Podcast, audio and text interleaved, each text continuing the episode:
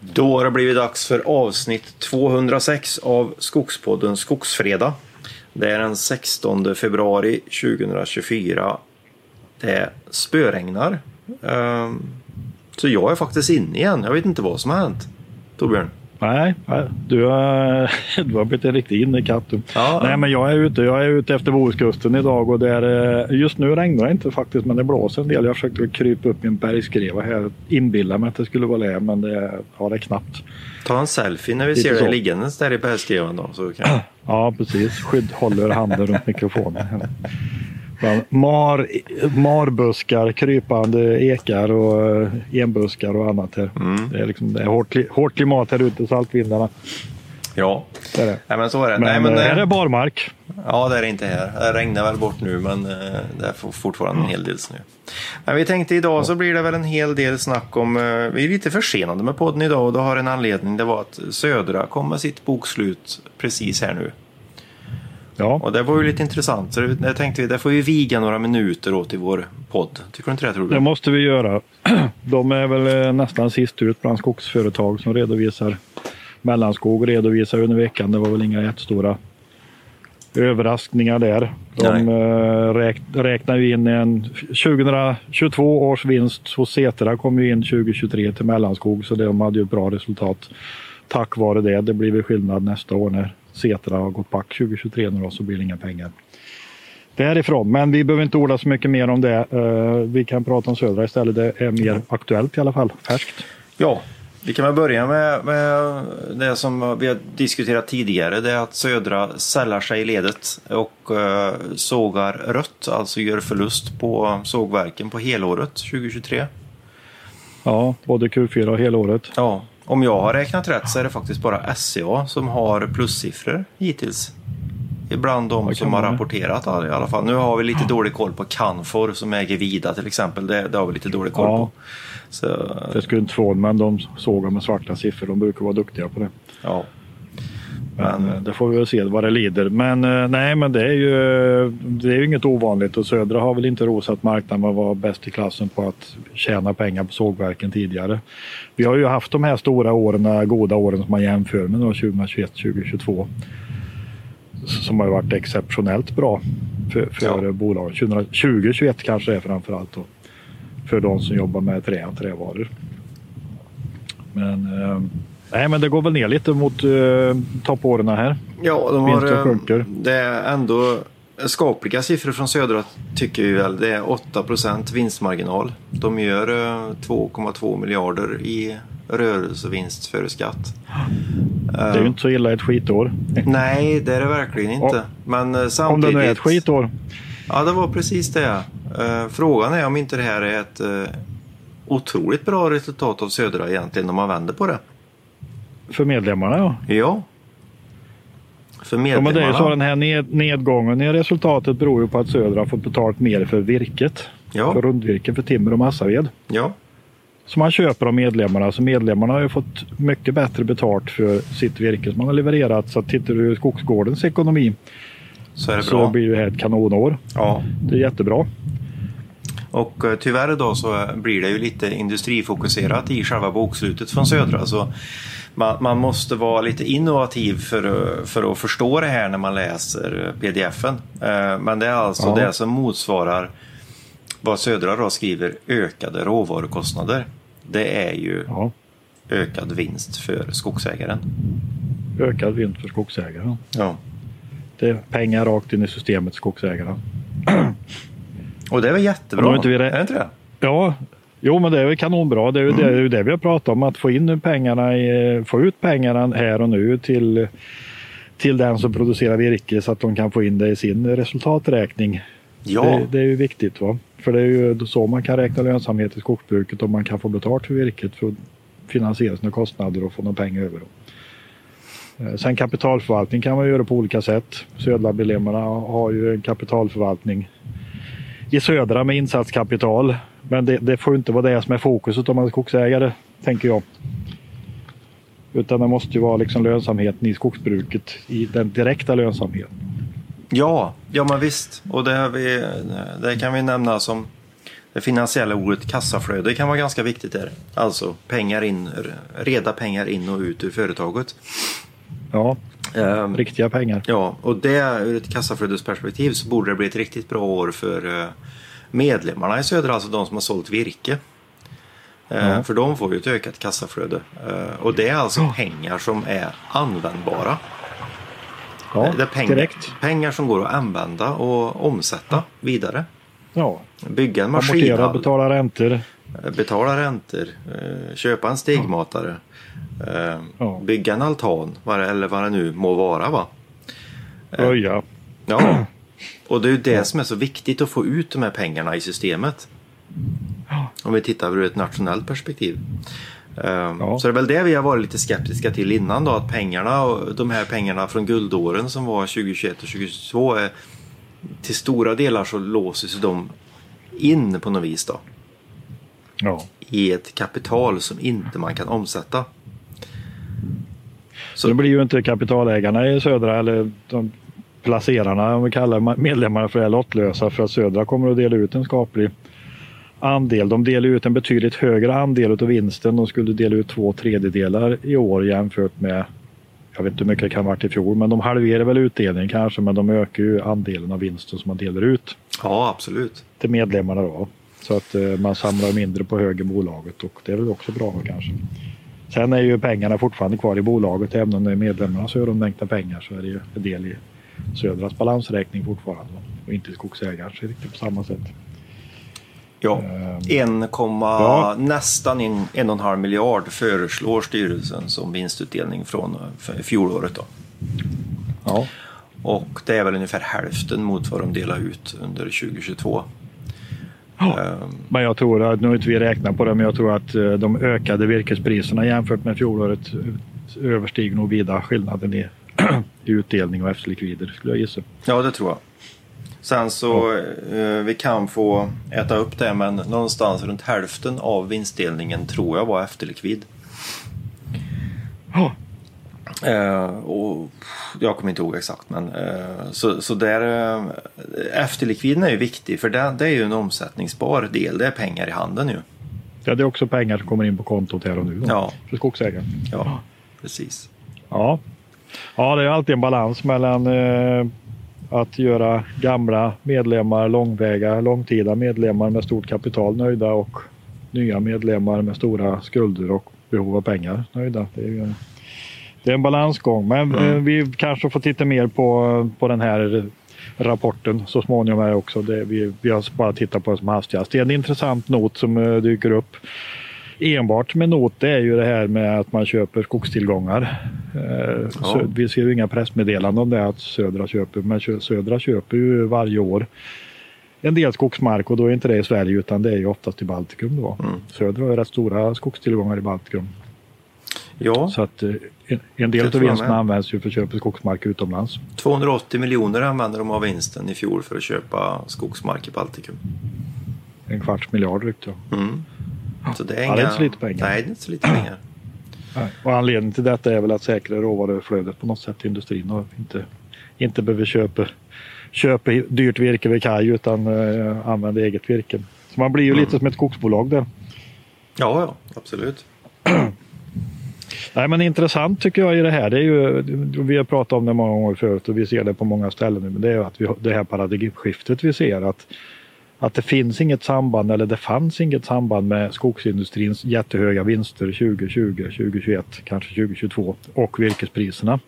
Nej. Utan virkespriserna styrs av den enkla lagen om tillgång och efterfrågan, Ja, rundvirkespriserna. Och där ser vi nu att tillgången är krympande och det är brist på rundvirke överallt. I definitivt. Sverige, i Europa, runt hela Östersjön så saknas det timmer. Skogsindustrierna kom med en rapport som heter Så går det för skogsindustrin som de eh, la upp igår. Mm. Där de tar upp det här lite, lite enkelt och snabbt men de, de skriver ju någonstans att eh, det är ju tr- trots att då de sa att svenska sågverken har minskat sin produktion kraftigt under slutet på fjolåret eh, och gick ner ifrån 17 18,5 miljoner kubik sågad vara till 17,8 totalt för i fjolåret. Men trots det så är det fortfarande brist på timmer. Ja. Och kommer man ner på kontinenten så sågverken har dragit ner ännu mer och ändå finns det inte tillräckligt med timmer. Så det här är ju liksom, det är ju en permanent underskottssituation och i det här läget så är det ju kanon för skogsägarna. Man kommer att få betalt sitt virke. Oavsett hur det går för industrin framöver så, så kommer man få bra betalt sitt virke. Ja. Och det är ju roligt. Ja, det är absolut. Det, det är det. Sen så kan man ju teorisera om varför det har blivit så här. Eh, fram och tillbaka. Men, men det kanske inte behöver göra. Utan det, vi kanske ska bara glädjas åt att att uh, vi nu går in i en sån här period där, där uh, det kanske är starkt att säga, men uh, skogen är slut. Den, den, här, den här kudden som fanns att tillgå verkar ha tagit slut. Ja. Och, man får inte fram lika mycket virke. Alltså det är inte så att det inte avverkas. Det avverkas för mycket skog men det räcker inte till. Va? Nej. Avverkningen må ha minskat något i Sverige. Det verkar ha minskat i Finland. Eh, ner över Europa har det minskat ganska mycket på grund av att barkborrar har tagit så pass mycket tidigare. Då. Men, men, eh, men liksom industribehovet är stort mm. och virket räcker inte till så det blir kamp. Och då blir det den som bäst kan förädla och få ut mest av virket som har chans att betala bäst för det så småningom. Ja. Det är den som får virket. Nej, men det är också intressant att skogsindustrierna skriver ju de, de uppmärksammar ju här och virkesbristen och skriver att det här är, det är startskottet på en strukturell förändring. Och mm. säger att det sätter fokus, sätter fokus på det vägskäl som samhället står inför. Hur vi vill förvalta vår skogsresurs och vilka nyttor vi vill att den ska erbjuda. Ja. Det här är väl liksom, alltså det här, det här börjar, det är o, ja, lite så. Det, det osar öststat. Ja men lite så. Vi är tillbaka till samhällskontraktet. Alltså, vad är skogsbrukets skyldighet är att leverera en, en uthållig resurs till, till, till skogsindustrin i princip. Då. Ja. Och då vill man sätta tryck på samhället. Ska nog samhället sätta av en massa avsättningar eller kolkredit eller vad man nu ska jobba med. Eller ska vi, använda, ska vi få använda det i skogsindustrin då? Det är väl lite underförstått så jag läser det här i alla fall. Då. Ja, ja, det kan ju vara som uh, en viss herre läser Bibeln naturligtvis. Eh, så som vi men, men eh, det går nästan inte att komma ifrån. Och eftersom vi har varit där historiskt sett så, så är det väldigt lätt att gå dit. Jag menar, vi kan ta början av 80-talet så var, så var vi ju faktiskt ja. där.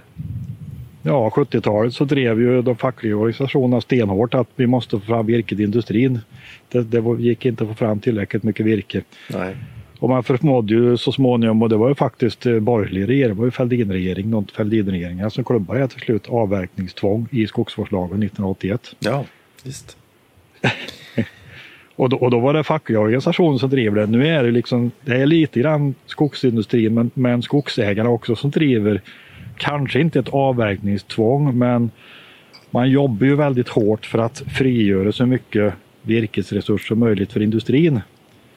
Ja, ja, definitivt. Och jag tänker att skogsägarna behöver ju inte driva den kampanjen så hårt för att dagens situation när det är lite tajt med virke är väldigt bra för ekonomin för skogsägarna. Absolut. Och så får väl industrin anpassa sig efter det. Ja, ja, visst. Mm. Definitivt. Jag, jag, tror det gäller att se lite nyktert på det. För, för eh, vi har gått in i det här nu då när, när virkespriserna har gått upp väldigt mycket i Sverige. Eh, ja. Sen så skulle man kunna säga att de närmar sig de europeiska priserna i snitt. Ja. Så risken är ju att vi blir lite som kor på grönbete. Eh, fast det här är nog så det ska vara. För vi har haft ja. alldeles för låga virkespriser i Sverige i jättemånga år. Ja. Och eh, det som jag vill komma med till det, det är ju att marknadslagen är ju väldigt stark. Så, så länge det ja, finns betal ja, så länge det finns betalningsförmåga, alltså eh, behöver ett skogsbolag köpa massaved och uh, skogsägaren krämar upp det i 900 kronor eller 1000 kronor eller vad det nu kan vara. Vi leker med tanken va? Mm. Så kommer vi till en gräns där skogsbolaget inser att det här är för dyrt, vi går back på det här. Och då ja. avstår de affären. Och då är det ju upp till skogsägaren att sänka priset tills du når en, en rimlig nivå. Där har du marknadskraften ja. i den finaste formen. Precis. Och det känns det ju som att på något vis så är de ju eh, Sverige är nu på väg eh, på, på en politisk plan på att man ska försöka rubba det här genom att frigöra ännu mer virke. Eh, kosta vad det Ja. kosta vill ungefär. För att vi ska fortsätta kunna få billigt virke till skogsindustrin. Och- Och då har vi ju risken att vi har en borgerlig moderatledd regering som är på väg att dra sig mer mot planekonomierna och försöka liksom förändra marknadskrafterna här. Och det vore inte lyckosamt för skogsägarna. Nej jag tror att det, det sitter nog väldigt långt inne med, med ett avverkningskrav. Det tror jag inte kommer igen. Nej, Det tror inte jag heller kommer. Men Nej. jag tror att det handlar väldigt mycket om att frigöra arealer och volymer. Alltså vi kan Ja. ta exempel som gjordes eh, tillbaka i tiden i en, en senare skogsvårdslag när man sänkte lägsta ålder för avverknings, slutavverkning. Då frigjorde man ju väldigt mycket virke Ja, på det sättet. Va? Eh, och nu tittar man ju på liksom hur ska vi liksom frigöra, hur ska vi minska inskränkningarna på virke. Och istället för att titta på, för det man borde ha fokus på, framförallt skogsägarrörelserna borde ha fokus på det och sätta verkligen klämma åt regeringen och politiken. Det är ju att hur ska vi som blir drabbade av intrång och begränsningar få ersättning? För där är det ju totalt katastrof idag mm. i, i hur politiken fungerar. Att man ska liksom, alltså det finns inga mekanismer som ersätter skogsägare per automatik på något sätt och så har man ett skattesystem där man får ta in vissa delar av det som rörelseinkomst istället för kapitalinkomst och få skatta bort skiten. ja, Det, ja. och, och det skulle man ju ha liksom med stenhårt fokus men istället pratar man ju liksom om, om att man eh, inte ska behöva sätta av någonting eller tro att man inte ska göra det. Va? Men, ja, men lös finansieringen och så får marknaden sköta och skogsägarna sköta det här efter sitt huvud. Liksom. ja. Och det här är väldigt intressant för det är ju, vi har diskuterat den här frågan på Skogsforum under veckan för det kom ju en spännande analys igår från Skogsstyrelsen. Ja, ja, som tog upp det här med ja, konkurrensen på rundvirkesmarknaden i Sverige? Frågetecken. man satt någon ekonomiprofessor på att utreda det här ganska grundligt. Ja, eh, Mats Bergman heter han, professor i nationalekonomi på Södertörns högskola tror jag han var. Eh, Ja, och gjort såg ut att en, vara ett gediget arbete. Du har gått igenom det ganska grundligt eller? ja, grundligt kan nog argumenteras, men eh, jag har i alla fall läst rapporten. Eh, fast den, den kräver nog lite mer om man ska gå in i det djupare, för den tar upp väldigt mycket. Men det som är intressant ur det bredare kontext, det är ju att rapporten, så som vi läser den i alla fall, så den, är, den blir ju någon form av ett bevis på det som vi har kämpat för i och pratat om i väldigt många år. Att det faktiskt stämmer. Ja, Den- att marknadskrafterna var satt ur spel för de enskilda skogsägarna. Ja, och sen så går man ner på punkter så tar de upp att det är högre virkespriser, eller i alla fall har varit i Finland, rent generellt. Ja. Ja. Eh, Det, det är så. Det är problem med transparensen med virkespris, virkespris eh, statistik. Ja. Och det gynnar inte skogsägaren. För, för Nej, vet, man inte, inte... vet man inte vad de andra får så är det ju väldigt svårt att förhandla, eller hur? Jo, men precis.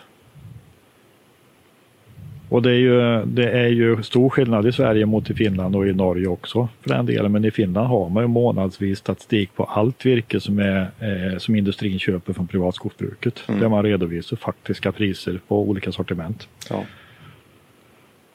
Och det ger ju en liksom det ger ju en större möjlighet att få rätt priser oavsett om de ska upp eller ner. Om man säger så. Ja. Alltså det behöver inte vara missgynnande för industrin på lite sikt. Men eh, som det har varit i Sverige så har det varit väldigt missgynnande för svenska skogsägare som inte har haft någon liksom, tillgång till riktig prisstatistik. Då. Ja, ja. ja men visst det finns så. mer att göra på den fronten. Ja, men eh, absolut. eh, Definitivt. Och det som jag tycker är intressant att att även nämna i den här rapporten det är ju att, att den tar ju upp hela, hela den här eh, mekanismen ur ett samhällsperspektiv också. Och där blir det Ja. än mer intressant för där, där går de tillbaka och tittar på studier som är gjorda längre bak i tiden. Eh, bland annat en analys från eh, Runar Brännlund som jag tror är på Umeå universitet eller var i alla fall. Som tittar på massavedspriserna på 80-talet och kom fram till att det Ja. blev samhällsekonomiska förluster på 2 miljarder kronor 1984 på helåret. Okej. För att det var För att priserna var för låga, eller? Ja, eh, priserna var för låga. Och det drabbar alltså samhället. Och det är ju det som är så viktigt Ja. i det här. För att i samhället på något vis så ingår ju även skogsindustrin. Eh, och, och det är så att jag är helt övertygad om det att jag tror att i förlängningen så är inte skogsindustrin heller gynnade av för låga virkespriser. För det, det, det, blir ungefär som, jag vet inte om man ska, kanske en dålig liknelse, men det, lite som att bli bjuden på fin mat varenda dag. Det kostar det, ingenting, kostar det ingenting att få en middag på Operakällaren till exempel, utan du får det varje dag. Mm. Till, till, en början med så kanske du äter upp det, men efter en vecka så kommer du dit lite halvhungrig uh, bara och så äter du inte ens upp. Och sen så om man tar bort det här så ifrågasätter man efter två år varför får inte jag gratis middag på Operakällaren längre? Ja, och blir arg. ja, ja. Så Nej, men så är det lite grann med bortskämd med låga virkespriser. Ja visst, och det gynnar ju inte någon. Nej. Jag är helt övertygad om det. Att det, det, det allra bästa är när marknadskrafterna ärligt får regera. Ja, Jo men det är det och de, de, de, kan ju liksom, de kan ju kortsiktigt och tillfälligt ta sig konstiga uttryck som är, är väl, jag kan inte säga tveksamma men som kanske inte är önskvärda ur alla perspektiv. Men de hjälper ju till med att jämna ut saker och ting. Jag åkte igår till exempel, jag åkte från Jönköping och västerut mot Bohuslän. Så kom, genom Uddevalla så hamnade jag bakom en massavedsbil. Tänkte den åker åt fel håll, ska norrut här. Det finns väl inga massabruk uppe över här. Om inte den ska till Halden. Eh, men jo då, den svängde ut mot hamnen. Mm barrmassaved ved eh, och ska lastas på något fartyg där och skeppas någonstans. Då. Vart vet jag inte men, men det är ju liksom ifrån att vi varit ett land som importerar väldigt mycket virke från olika länder. Nu exporterar vi ju. Det öppnar upp, den här marknaden öppnar ju upp en massa, en massa möjligheter och konstiga situationer. Och i ett stort perspektiv så är det ju liksom ett bananrepubliksproblem eller ett u-landsproblem att man säljer oförädlade råvaror utomlands till någon annan att förädla det. Mm. Eh, kan man tycka då. Men i det korta perspektivet så hjälper ju det här till att få ordning på prisstrukturerna på den svenska virkesmarknaden. Ja, ja definitivt. Det blir ju katten på råttan och råttan på repet. Ja, för den som vill ha den här massaveden här för Injärs bruk får ju betala lite mer för den då. Ja, definitivt. Än vad man gör idag. Så att eh, det blir ju det är utjämnande faktorer. Men det är spännande nu. Det, det är ju, jag skrev några rader i någon tråd förut här om just det här att den här situationen, vad den skapat och det blir revirförflyttningar på virkesmarknaden som är intressant. Ja, ja, till exempel ja. norr, norrifrån när SCA drar sig längre och längre söderut och köper virke till exempel där man inte har köpt tidigare. Ja. Vidare upp efter och köper långt upp i Moälvens kärnområden efter norska gränsen i västra Värmland och köper rätt mycket där uppe. Ja, och det, stor, är ju, det, är, det skapar en väldigt bra dynamik. Jag vet, jag har pratat med en uh, lokalt här att uh, det finns alltså polska virkesköpare i Värmland nu. Ja. Och det har det ju inte gjort tidigare. Nej. Det skapar också en spännande dynamik. Ja. Nej, men det är ju, så det är nya tider helt klart. Och för skogsägarna är det här väldigt bra tider. Ja, definitivt. Och, en uh... sak som jag tycker vi ska lyfta upp uh, i det här är ju att uh, skogsägarna få mycket bättre. Men här gäller det att inte glömma bort entreprenörerna. För entreprenörerna har fått extremt stora kostnadsökningar. Ja. Och behöver kompensera sig. Vi ser ju dels så har ju bränsle och energi och allt möjligt gått upp och räntor givetvis drar ju ganska hårt för de som har stort kapital bundet till maskiner och annat. Ja. Men också maskinkostnader, alltså vad det kostar att köpa en skogsmaskin idag. För där har ju priserna gått upp väldigt mycket på grund av ökade kostnader, priser och inflation och annat. Ja, ja, och det och, blir ju dubbel olycka för räntorna har ju gått upp så. Räntorna har gått upp, maskinpriserna har gått upp och ska ja. vi ha friska entreprenörer framöver så måste det måste betalas mer för avverkningsarbetet. Ja. Och det får ju en del av det här ökade virkespriset hjälpa till och bidra till det tycker jag. Eh, det måste man som skogsägare måste man ha förståelse för det. Absolut, det är superviktigt. Jag pratade med en entreprenör nu i veckan och eh, fick lite insikt och det, det ser väl inte alls eh, muntert ut på kostnadssidan. För allting har gått upp otroligt mycket. Han pratade om, ja vad jag kommer ihåg, två saker. Det var ju den riktigt bra miljöanpassade hydrauloljan hade han sett priser på 90 kronor litern. Det är långt över, 90 kronor litern? Ja, långt Oj. över 100 procent ökning om, om, du frågar mig. På bara något år, några år. Uh, oh. Drivlänkar till sågkedjor till skördare. Ja. ja. Där har man, Jag vet när jag höll på, då var vi nere och räknade ören på dem. Man kunde hitta bra liksom såna här klipp på typ 90 öre drivlänken. Eh. De bra, eh, som var riktigt bra drivlänkar, kanske 1,25. Och då var det dyrt. Ja. Då var det dyrt alltså. Listpriset på de bra idag var 3,90. Oj. Så... Men det är samma över hela linjen. Allt material. Ja. Och tar du maskin, priset på maskinerna så är ju, jag vet inte hur mycket det har ökat, men det är ganska rejält. För att det är ju ökningar över hela linjen på allt material som ingår i de här maskinerna. Ja, ja, absolut. Och det här tror jag kan bli ett rejält problem om det här fortsätter. För eh, det är alltså en, en grupp eh, skogsentreprenörer som i princip i, i stort har gått på knäna redan innan. Och, och vad händer nu då om de inte får eh, ersättning för den här kostnadsökningen som kommer? Då, då kommer det inte bli muntert alltså. Det, Nej, men det har du ytterligare problem som industrin hamnar i, virkes, eh, skogsindustrin. Det är att man har väldigt svårt att få fram avverkningskapacitet. Ja. Vi ser det redan idag att det är, det är flaskhalsar. Va? Det sista jag såg här nu var att Norra Skog annonserar i, på Facebook i Lettland. Ja, ja, absolut. Efter eh, entreprenörer. Ja. Eh, man får inte tag i kapacitet. Va? Och det är ju, Nej. Det är ju eh, svårt att få in folk om det är svårt att få lönsamhet i verksamheten. Va? Ja, ja, definitivt. Och sen så, så om du får ett erbjudande på, på körning hos ett bolag och får in de här siffrorna i en enkel Excel-fil så, så är det ju bara ja. Det är big no-no alltså. Det går inte. Det är Ebberödsbank. Ja. Så, så där, där måste det ju också, där, där har vi en, en grupp i skogen som inte går att marginalisera mer. Så kan man säga. Nej, och de här prisökningarna på virke som har gjorts och som görs framöver, de måste också kunna räcka till att entreprenörerna får en andel av det här. Så att det, är, det är viktigt för, för hela skogsbrukets del. Definitivt. Ja. Det, definitivt. Och ja, ja nej, så det, det, med en fas kan vi säga att det är superviktigt. Och det, det är bra om skogsägarna har vetskap om detta. Att eh, ja. det är det är ingen dans på rosor eh, när de kommer med skördarna och skotarna. Utan eh, de är relativt marginaliserade. Och troligtvis har, blivit, har det blivit ännu värre nu de sista åren i, i det här med inflationen.